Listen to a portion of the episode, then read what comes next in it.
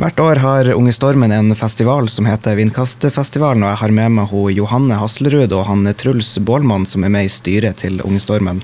Kan dere si hvem dere er og hva Vindkastfestivalen går ut på? Eh, Vindkastfestivalen er jo en festival for alle ungdommer i Bodø mellom 13 og 21 år. Eh, Og den skal fokusere på at vi får gjort så mye forskjellig av kultur og kulturarrangementer. Så vi skal ha alt fra konserter til kurs til en panelsamtale om gaming og sånt. Dere skulle ha konsert. eh, Hvor den skal være hen? Den skal være inne på Stormen konserthus på Sinus. Hvem som kommer der og skal opptre? Um, I dag på fredagen så er det One Dollar Taco som skal opptre først, og så kommer Bølgen på.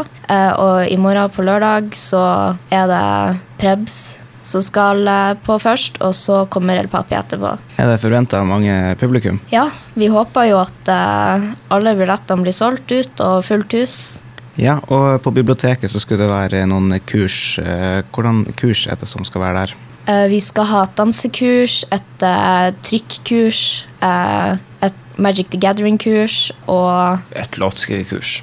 Og på disse kursene så kan man melde seg på via Stormen sine nettsider. Nei, men Da ønsker vi lykke til med festivalen. takk. Tusen takk.